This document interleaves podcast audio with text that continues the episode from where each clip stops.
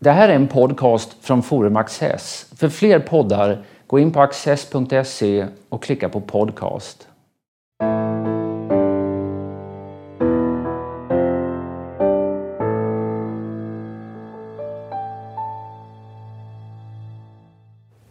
Välkomna till Studio Access. Idag ska vi titta tillbaka på en mycket innehållsrik politisk höst och kanske resonera lite om förutsättningarna för framtidens politik också. Och när jag säger vi så syftar jag på mig och på min gäst Tommy Möller, professor i statsvetenskap vid Stockholms universitet. Välkommen! Tack! Det har varit ett speciellt år i politiken och kanske hösten allra helst med, med den här migrationskrisen och med ett rätt svajigt läge i, i riksdagen. Finns det några historiska paralleller? Kan de här eh, ansvariga gå till några källor och få lite hjälp och vägledning? Ja, det gör det väl. I närtid så har vi ju hösten 1992 som, som ju inte är jättelänge, och det är ganska länge sedan nu, som ju var en, också en väldigt utdragen historia med en ekonomisk, eh, väldigt till, eh, utdragen krissituation med kronförsvaret. Mm. Som ju hade också den gemen, det gemensamma kännetecknet med den nuvarande krisen att det dröjde ganska länge innan eh, de relevanta beslutsfattarna, då menar jag regeringen, eh, tog in problembilden och skrev till verket och vidtog åtgärder. Och, och, så att det gick viktig tid till spillo inledningsvis av krisen. Eh, så det, det, finns ju en sån koppling. Det är klart att det finns ytterligare eh, utdragna processer. Vi hade regeringskrisen i slutet på 70-talet när regeringen Fälldin sprack i samband med energipolitiken och där eh, Sverige, svenska regeringskansliet mer eller mindre stod stilla under en ganska lång tid när den här eh, utdragna frågan om kärnkraften drog ut på tiden och förlamade mycket av verksamheten. Och så. Det är också ett annat exempel. Och internationella kriser naturligtvis som då poppar upp då och då. Vi går tillbaka till andra världskriget och så är det klart att det finns, finns värre kriser än den vi har nu. Är du förvånad över att regeringen håller ihop fortfarande? Ja, det är jag nog. Eh, alltså Miljöpartiet har ju fått svälja väldigt mycket. De har ju haft ett hemskt år om man ska se det krasst eh, som regeringsparti. Eh, långt innan migrationsuppgörelsen så har de ju fått eh, göra eftergifter på väldigt många andra områden också. Så tålamodet är ju prövat bland deras eh, partimedlemmar. Och de, man får inte glömma bort att Miljöpartiet har ju ett mycket starkt arv. Partiet är ju framvuxet ur de nya sociala rörelserna, framförallt miljörörelsen men också fredsrörelsen och delvis kvinnorörelsen. Så att den så att säga, protestkultur som finns i partiets DNA har ju då satts på prov väldigt mycket. Mot det finns ju en motkraft som, som då består i alla dessa kommunalråd som nu eh, eh, Miljöpartiet har runt om i landet och den pragmatism som har varit lite av en ledstjärna för Miljöpartiet sedan de förra språkrörens tid man har försökt göra eh, Miljöpartiet till ett salongsfähigt regeringsdugligt parti som också ska kunna tåla kompromisser. Man pratar ställ, eller ställer ständigt den här frågan, har socialdemokratin blivit ett parti som alla andra? Men det kanske är en bättre fråga är, har Miljöpartiet nu blivit ett parti som alla andra? Nej, det tror jag inte. Ja, jo, i den meningen att de, de kan göra de här kompromisserna.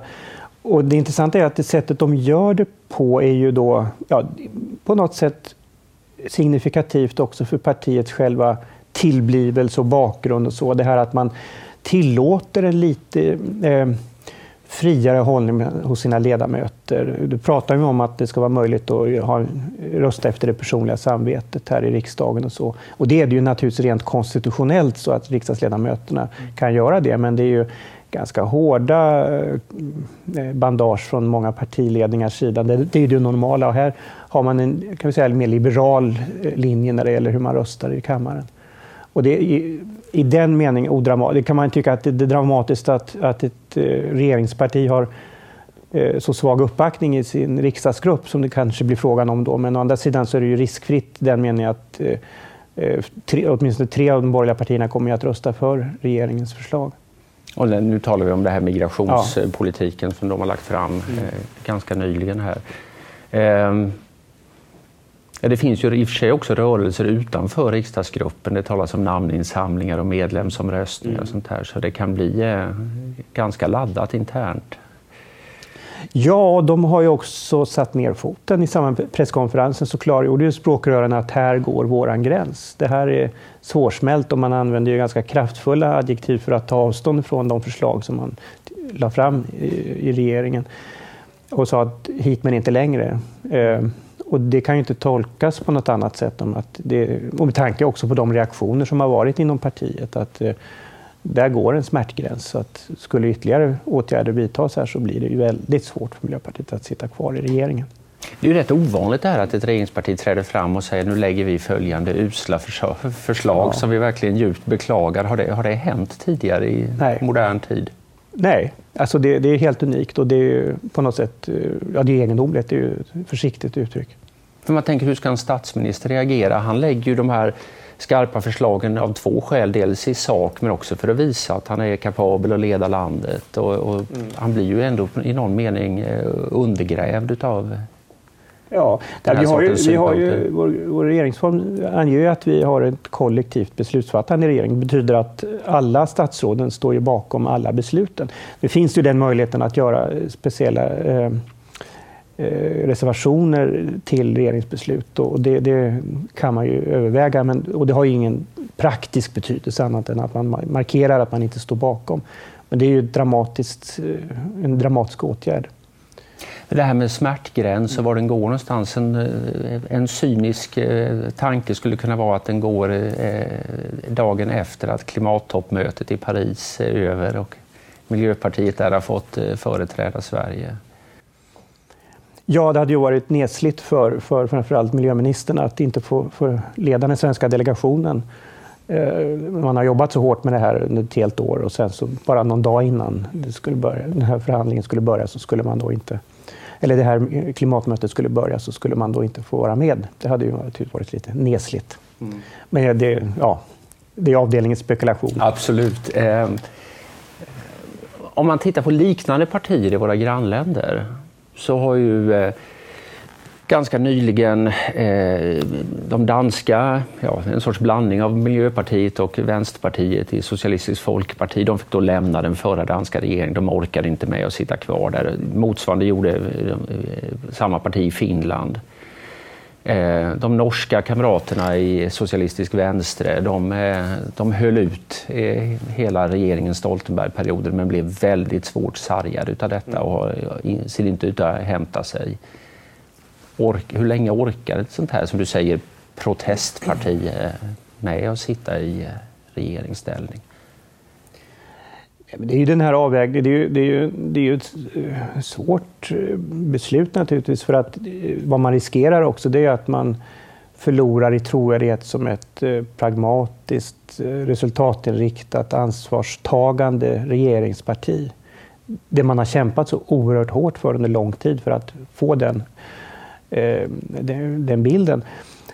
Det, det, det riskerar man ju att förlora. Samtidigt så finns det ju i den andra vågskålen eh, också mycket tungt vägande faktorer. Alltså finns det, eh, när man liksom hela tiden gör avkall på sina grundläggande värderingar och ideal så är det klart att då blir ju risken naturligtvis att man betraktas att det bara är så regeringstaburetterna som är intressanta för ett, för ett parti. Och det, det är naturligtvis inte heller särskilt bra om man får uttrycka det försiktigt. man skulle kunna tänka sig att det då krävs liksom att man får någonting väldigt kraftfullt i utbyte Eh, att, så att säga, socialdemokratin bjuder Miljöpartiet på någon annan hjärtefråga. Det är så men, det brukar men, fungera. Men det finns inte så mycket pengar att bjuda för i det här läget heller. Nej, så är det ju. Och det är ju delvis också en konsekvens av vår migrationskris här, som, som ju har naturligtvis frestat på rätt mycket. Eh, så är det. Det är klart att regeringen har ju, har ju naturligtvis eh, andra frågor som väntar bakom hörnet framöver. Och man tänker sig till exempel inom energipolitiken så skulle man naturligtvis kunna ge vissa utfästelser. Men det, det är återigen avdelning spekulationer, men det är så regeringskoalitioner kan hålla ihop. Mm. Eh, vi statsvetare har ju ett lite tekniskt begrepp för det där. Eh, log-rolling heter det på engelska. Men alltså det betyder, kohandel brukar vi säga på svenska. Det är ett nästan ännu bättre ord. Man, man byter frågor med varandra helt enkelt. Och då, då betyder det att Miljöpartiet i det här fallet skulle kunna få ganska mm, rejält betalt för att göra den här typen av svåra, smärtsamma eftergifter. Det betyder ju inte att det är enkelt ändå. Framförallt kan ju den interna förankringen i det korta perspektivet mm. bli väldigt svår för att det här är ju då kanske löften som då eh, finns inskrivna i stjärnorna som man aldrig kan ta för givna heller. Du sa tidigare att de har fått liksom ställa upp på inte bara detta utan en hel del annat som har varit plågsamt för dem. Eh, tycker du de har fått någon riktigt, någon riktig guldklimp i gengäld? Ja, det, ja Saudiavtalet var väl ändå en viss framgång för Miljöpartiet, även om man kanske inte var helt nöjd. Men, men där hade det ju kunnat bli betydligt värre sett ur Miljöpartiets synvinkel. Nu var det väl kanske inte bara Miljöpartiets förtjänst, för det var, det var ju ett ganska eh, komplicerat, eh, ja, dramatiskt händelseförlopp som ledde fram till den, den, den eh, slutpunkten att regeringen inte kunde förlänga det här avtalet på det sätt som man hade hoppats på. Från, alltså i alla fall från statsministerns sida. Om man inte spekulerar här nu utan försöker reda ut eh, förutsättningarna. Eh, om man tänker sig ändå att den här smärtgränsen eh, överskrids och att Miljöpartiet inte känner att man kan vara med i regeringsställning längre. Vad, kan Stefan Löfven bara glatt fortsätta som statsminister i så fall? Ja, det finns ingenting i regeringsformen som, som tvingar honom att gå till talmannen och avgå, lämna in sin avskedsansökan. Nu har han ju då i sitt uppdrag från talmannen från början eh, fått det definierat att han ska bilda en koalitionsregering med Miljöpartiet. Så, så, men rent konstitutionellt så är det ingenting som är tvingande. Han skulle alltså kunna bara ombilda sin regering till en eh, socialdemokratisk enpartiregering och, och låta de miljöpartistiska statsråden utträda ur regeringen. Det, det, och Ungefär som när man ombildar en regering en enpartiregering? Ja, ja. En, en reshuffle som Göran Persson gjorde ganska ofta ja, till exempel. Eh, och en sån regering skulle ju bli starkare än den vi har nu. Eh, inte, den, blir, den får inte fler mandats stöd i riksdagen, tvärtom så får den ju färre. Men den får ju en mycket större aktionsradie i riksdagsarbetet och kan alltså samarbeta mer över blockgränserna. Och det är ju där vi är nu, eller på väg i och med att allianspartierna har Eh, Eh, distanserat sig ganska mycket från varandra också det senaste halvåret kan man väl konstatera. Men bara för att reda ut det här konstitutionella så är det så att eh, Löfven har fått talmannens uppdrag eh, att bilda en regering och det har han fått på grundval av att han säger att han har en överenskommelse med Miljöpartiet och de eh, går in tillsammans. Så det blir så att säga förutsättningen för att få bilda regering, men det har i sig ingen rättsverkan Nej. Eh, efteråt. Nej, sen kan man ju för sig diskutera om det, om det är lämpligt och motiverat att, att man ändå avgår och att riksdagen får pröva förtroendet igen för en ny regering, Löfven. En Löfven 2 som då eh, består enbart av socialdemokrater. Mm. Det kan ju finnas politiska poäng med en sån ordning också. Det är ju ingen dramatisk förändring eller i sak tidsmässigt eller i övrigt och en expeditionsministär som då det skulle bli frågan om när man då avgår kan ju fortsätta att regera ungefär på samma sätt som nuvarande regeringen, en vanlig regering kan göra. Om man tänker sig att Löfven skulle vilja göra detta, eh, är det då rimligt att tro att han vill fortsätta på egen hand eller kommer han att vilja återförankra sig i riksdagen på något annat sätt? Ja, det gäller ju att inte ha en majoritet emot sig. Det är, det är den konstitutionella förutsättning, grundförutsättningen. Och eh, här finns det då mycket som talar för att flera allianspartier och kanske också andra partier skulle vara beredda att släppa fram en sån regering och lägga ner rösterna. Eh, kanske inte att man aktivt röstar för en sån regering eftersom man inte kommer att kanske ingå i den. Eh, men, men eh, det, det är ju en Å andra sidan kan man säga att Moderaterna, eller, eller åtminstone flera ledande företrädare för Moderaterna har här under hösten varit noga med att påpeka att Vänsterpartiet ska vara med och utforma den ekonomiska politiken. Ja, det är, Därför det är att enligt den här gamla decemberöverenskommelsen så var det så att säga, ett kriterium, den större gruppen skulle få utforma politiken och därför släppte man fram MP-S-regeringen. Ehm, Ja, men om nu inte bara det är oklart med V utan framförallt MP bortfaller, eh, har då inte Alliansen så att säga försatt sig i en situation där man mer eller mindre eh, måste rösta nej till en regering? en socialdemokratisk minoritet? Ja, det kan jag inte säga. Alltså, det är för mig svår, svårbegripligt krav man har eh, från början att Vänsterpartiet måste vara med och utforma politiken. Till att börja med så, ja, nu gäller ju inte decemberöverenskommelsen som bekant. Och den hade ju delvis men det har de sagt även mm. efter, mm. ja, efter att decemberöverenskommelsen... Och det, det gör det ännu mer svårbegripligt. Ja. Jag menar, det, vad vi har sett och det som gör att decemberöverenskommelsen ändå hade liksom imploderat innan den formellt upphävdes, det var ju att de borgerliga partierna skulle lägga inte lägga gemensamma budgetförslag utan enskilda och rösta för dem.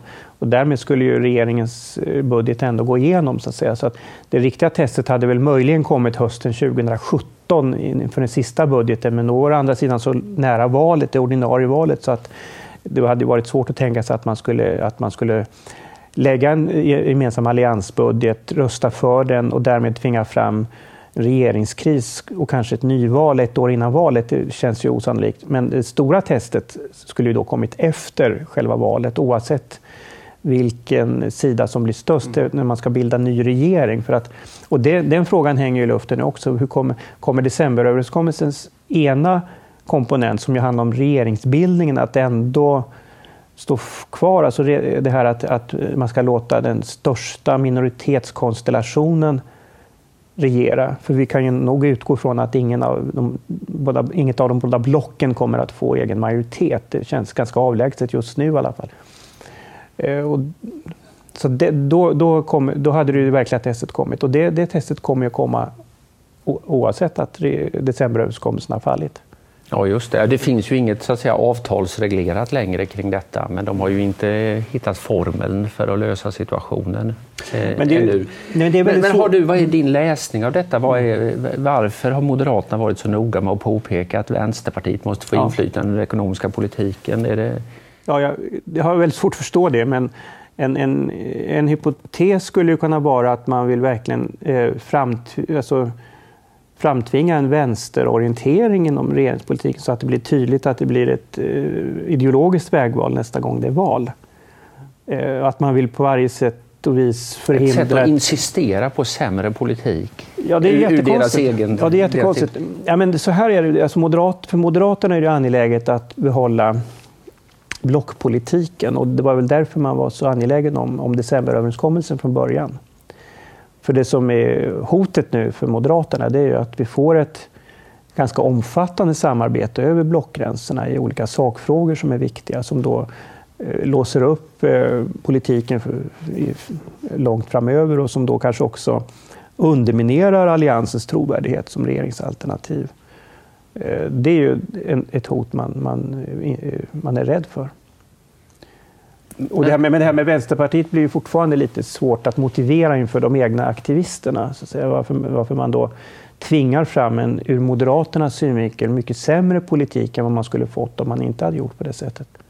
Ja, ja en förklaring kan ju vara att man, man avser att svärta ner socialdemokratin med detta och att ja. man bryr sig mer om att, eh, att det blir framgångsrikt än vad det får för konsekvenser i, i den politik som förs. Det är ju dystert, men dystra ting har ju hänt i politiken tidigare. Ja, om det är ja. så, om det skulle vara så, så är det ju ett eh, stort risktagande också, får man säga. För det är ju inte så ansvarsfullt sett utifrån de egna ideologiska premisserna att göra på det sättet.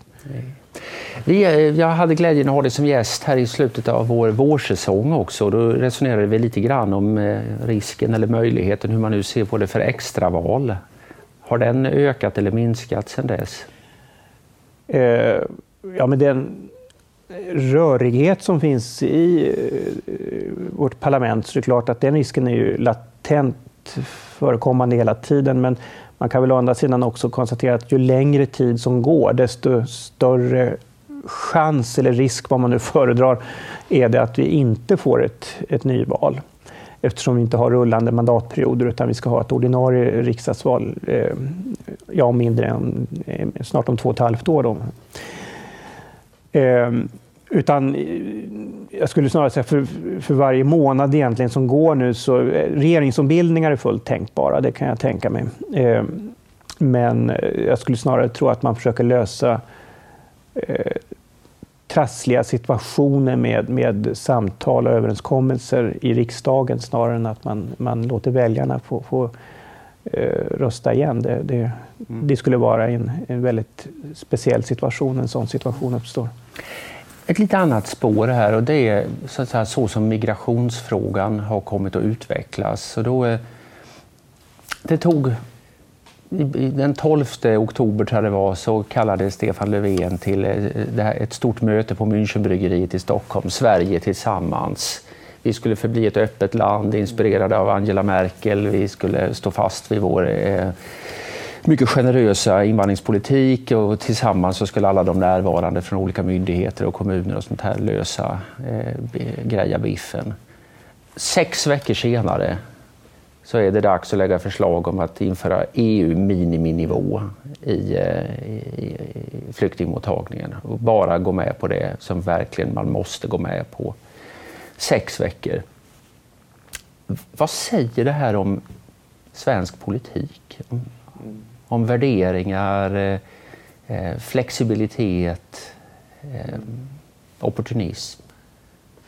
Jätteintressant fråga. Det är bra också att du formulerar den så att det, för att det handlar inte bara om det socialdemokratiska partiet som råkar vara eh, det stora regeringspartiet, men utan det är kanske mer ett generellt problem att vi ser den här typen av... Eh, nej, men de, alltså de borgerliga partierna ja. har gjort i stort sett samma, ja, samma resa. Så är det. Ja. Och det, man kan säga så att i socialdemokratins fall så är det ju frågan om en U-sväng. Alltså, man accepterade ju eh, ganska sent och ganska motvilligt får man säga den migrationspolitiska uppgörelsen från 2011 som Miljöpartiet ingick med dåvarande Reinfeldt-regeringen.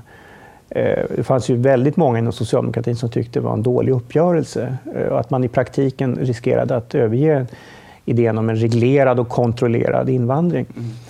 Eh, sen accepterar man det och sen så står man på barrikaderna. Då. Du nämner Münchenbryggeriet och det är inte så många veckor sedan. Och sen så nu drar man tillbaka till en situation där man då vill lägga sig på en minimumnivå. Ja, och man tar upp frågan om ja. man ska kunna stänga Öresundsbron och sånt där. Det är väldigt ja, drastiska åtgärder. Ja.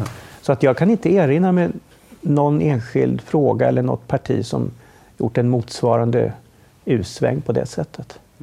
Även om det händer att partier intar nya, intar nya positioner och förflyttar sig, det sker hela tiden. Och ibland kan det vara ganska dramatiskt. Det här är ju en av verkligheten, en förändrad verklighet som har framtvingat en dramatisk kursändring. Men det är klart att det har inte underlättat för, för Socialdemokraterna och regeringen att man eh, för inte så länge sedan hade en mycket moraliskt hög svansföring i sin retorik när man då stod upp för ja, vad Löfven kallar för människovärdet. Mm. Nej, och jag menar det, det, är klart att en försvarslinje har ju varit att saker och ting har förändrats. Verkligheten har förändrats. Eh, men rimligen har ju den förändringen av verkligheten delvis skett på grund av vad man gjorde i det tidigare skedet. Säger man till mm. världen att vi är det generösaste och öppnaste ja. landet i Europa så skördar man sen frukterna av detta senare. Mm. Jag, vet, jag, jag, tycker det här väcker intressanta frågor kring liksom hur mycket av det svenska bygget som under en rätt lång period nu har varit väldigt mycket godvädersbygge.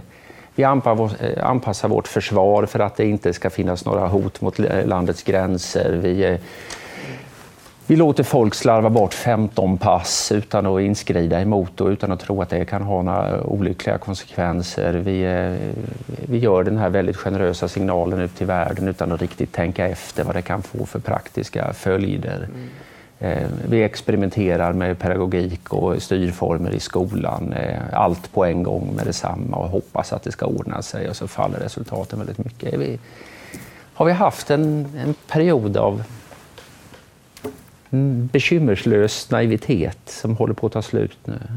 Ja, du låter lite dystop, eller inte dystopisk, men alltså ditt sätt att beskriva eh, situationen är, är, ju allt annat än, än, positiv och det kan ligga mycket i det du säger. Jag, och frågan om det här skulle vara en vändpunkt och att vi, vår ganska i och för sig gamla eh, naivitet som många upplever att vi har haft skulle då vara någonting som vi lämnar bakom oss. Det, det, ja, det skulle i så fall vara en, en, positiv konsekvens om det skulle vara på det sättet. Det, det kan jag instämma i.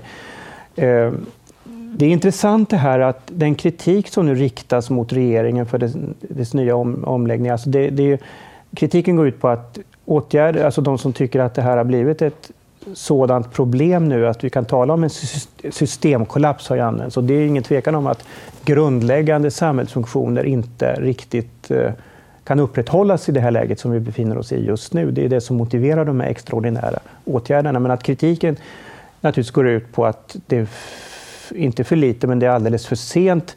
Och adderar man till den kritiken det som du också anför här nu, nämligen att, att eh, vi kanske har bjudit eh, eh den, den, gamla den nuvarande regeringen kanske också har genom den här politiken som man har haft, de signaler man har skickat till omvärlden, själv kanske skapat och, accentuerat problemets omfattning.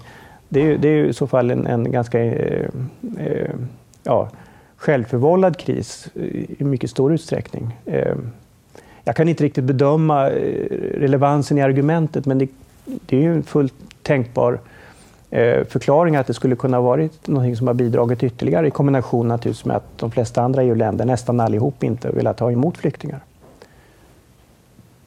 Nej, men, Berlingske Tidende skrev i någon syrlig kommentar när Morgan Johansson, migrationsministern, först sa att liksom, jag gjorde klart att inflödet till Sverige behövde begränsas. Och då skrev de att Sverige har skickat ut festinbjudningar till hela världen och mm. nu slår de igen dörrarna i ansiktet på folk. Och det är, något ligger ja. det väl i detta? Ja, det, det kan man tycka. Under början av hösten så var det här med decemberöverenskommelsen otroligt laddat. Mm. Och sen bara poff mm. försvann den. Eh, spelar det någon roll egentligen? Det känns som att den egentligen inte behövde användas i och med att alliansen, allianspartierna var så tydliga med att de inte tänkte eh, lägga en gemensam budget. Eh, sen förändrades ju situationen lite grann i och med att nya KD-ledaren väckte tanken på att man redan till våren skulle lägga en gemensam alliansbudget. Och det hade ju i praktiken inneburit att man hade framtvingat ett, ett nyval, skulle jag tro. Eh, och en regeringskris under alla förhållanden. Mm. I och för sig verkar de andra inte så pigga. Nej, det blev ju inte så. Ehm, och eh, hon var väl också rätt snabb på att retirera från den, den idén, så att säga. Man kan väl möjligen säga då att när du inte finns så är man in, man kan välja att lägga gemensamma, eh, eller varsin budget. Men man har ju också möjligheten att skriva ihop sig om en gemensam reservation i finansutskottet. Det kan man göra. Och det kanske man då skulle, nu kan göra ifall regeringen skulle ta i på ett sätt som man tycker är helt orimligt. I Dö hade man ju lovat faktiskt att gå med på mm. vad som helst, mm. men det, det löftet är inte utställt nu eh, längre. Ja, det begränsar ju regeringens möjligheter att eh, lägga fram allt för eh, kontroversiella förslag. Men som det var förut så var det ju en ganska märklig situation där man då, som i våras nu när regeringen lade sin kompletteringsbudget, att man å ena sidan säger att det är politik som är skadlig för landet. Det är ju en ganska eh, rejäl salva. Samtidigt som man då klarar att vi kommer att släppa igenom den, fast alla vet att man har möjlighet att stoppa den tillsammans med Sverigedemokraterna. Mm. Så att det var ju, decemberöverenskommelsen var ju från början en, kan man säga, en, ja, i praktiken en omöjlig konstruktion. Det, det förstod man ju tidigt. Okej. Okay. Tommy Möller, stort tack för att du var med oss. Tack.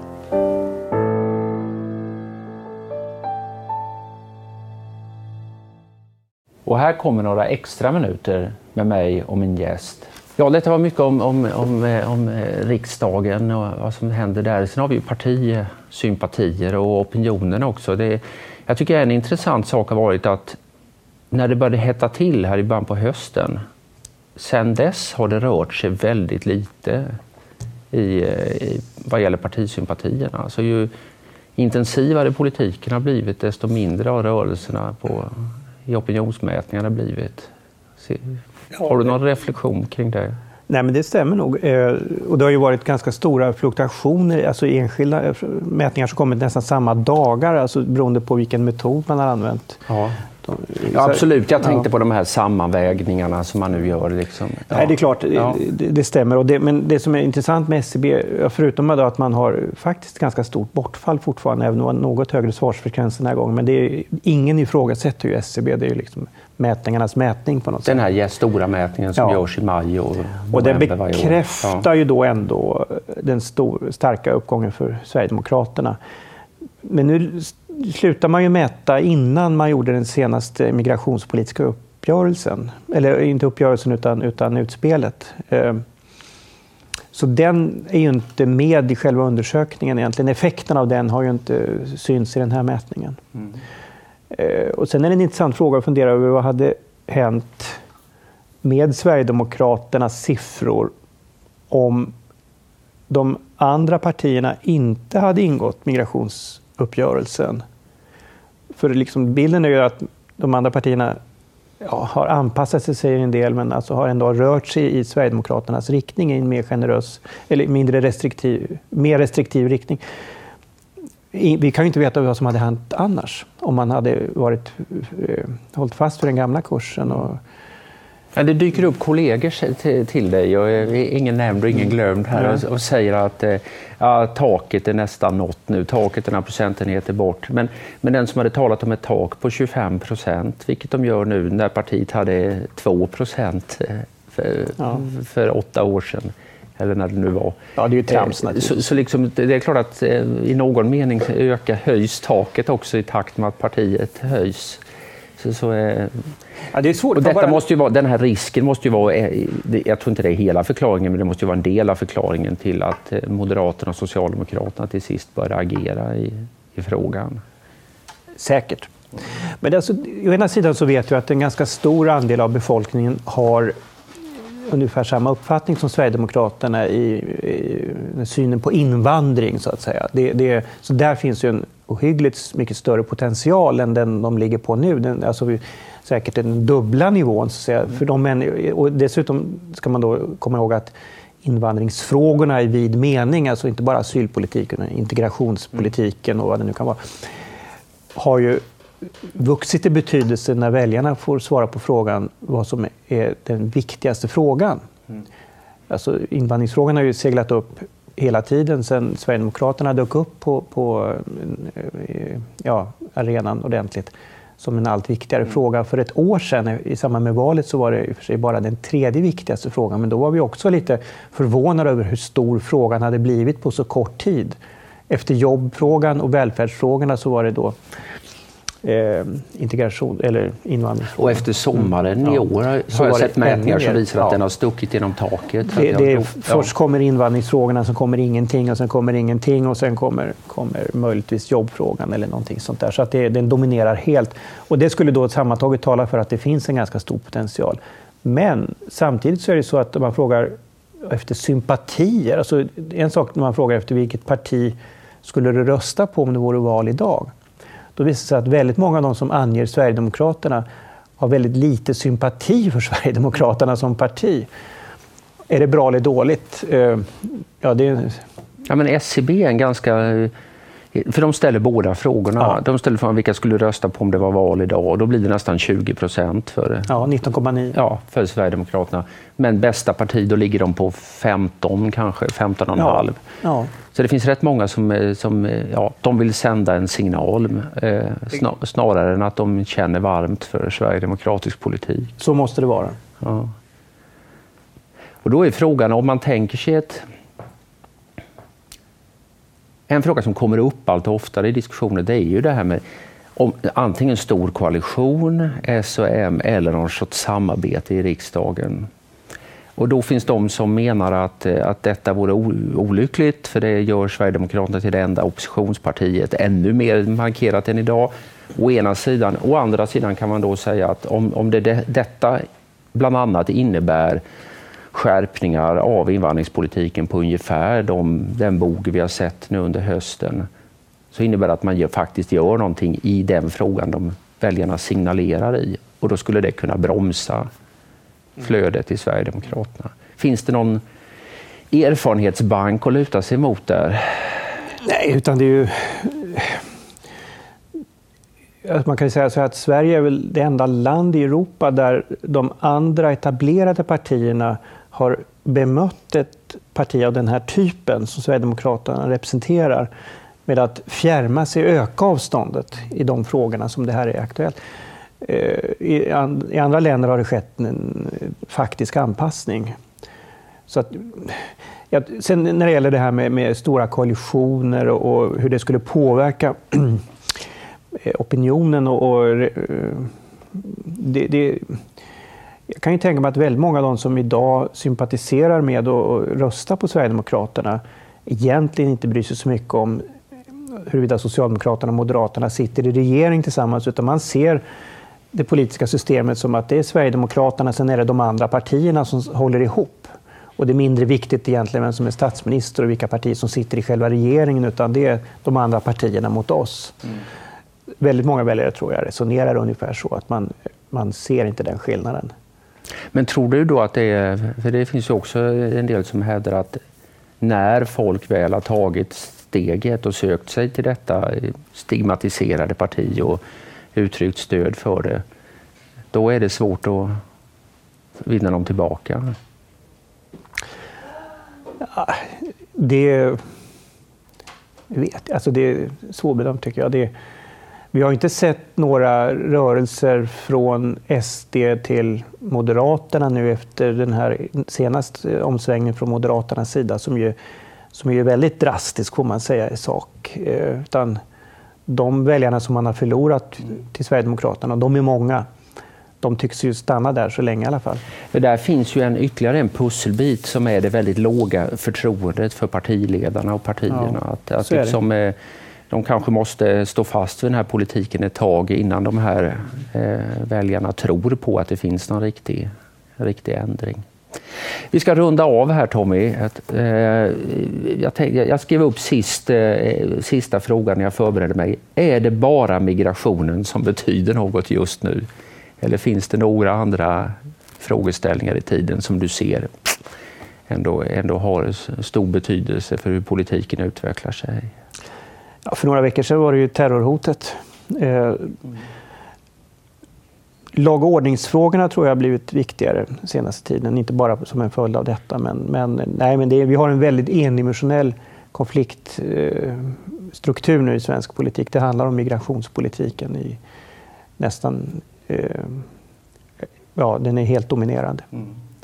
Men så kommer det förmodligen inte att förbli, utan vi, vi eh, har ju den benägenheten att vi, vi, det dyker upp nya utmanarfrågor och nya utmanardimensioner i politiken. Och de kan leva mer eller mindre länge och mer eller mindre starkt. Men höger-vänster-skalan, som vi brukar kalla det, den är ju väldigt stark i det är, svensk politik. Det är liksom som den magnetiska nord och sydpolen på något sätt. Att det är ändå väldigt mycket längs dess linjer. Ja, verksamheten struktureras. Det som är intressant med migrationen är ju i och för sig att det visade ju sig här under hösten när det blev skarpt läge att eh, nästan alla de traditionella partierna kunde eh, ställa om, ändra sig med kort varsel. Eh, och att en, en väl så intressant innehållslig skillnad numera finns inom partierna. Mm. Mellan realister, inte sällan kommunalpolitiker och mm. mer idealistiskt lagda, inte sällan riks eller ungdomspolitiker. Mm. Och där tror jag det, det finns mycket som kan spänna och bända i den konfliktlinjen också. Ja, och de båda blocken är ju, i alla fall känns det så nu, delvis under upplösning med att eh, Socialdemokraterna och Miljöpartiet har ju sin spänning inom, mellan sig och eh, ja, socialdemokratin också inom sig i väldigt stor utsträckning. Men också så har vi då Centern kontra Moderaterna, någon mån Kristdemokraterna inom allianssidan. Mm. Så att det, det och Centerpartiet är ju också lite gåtfullt parti eftersom man har en mycket stark intern opinion både bland väljare, sympatisörer och interna partiaktiva som då eh, inte står bakom den här väldigt liberala eh, migrationspolitiken. Mm. Det finns ju mätningar på det dessutom. Ja. Så partiet har inte med sig sitt fotfolk. Vi lär inte bli utan samtalsämnen i kommande program. Jättetrevligt att ha dig här. Tack.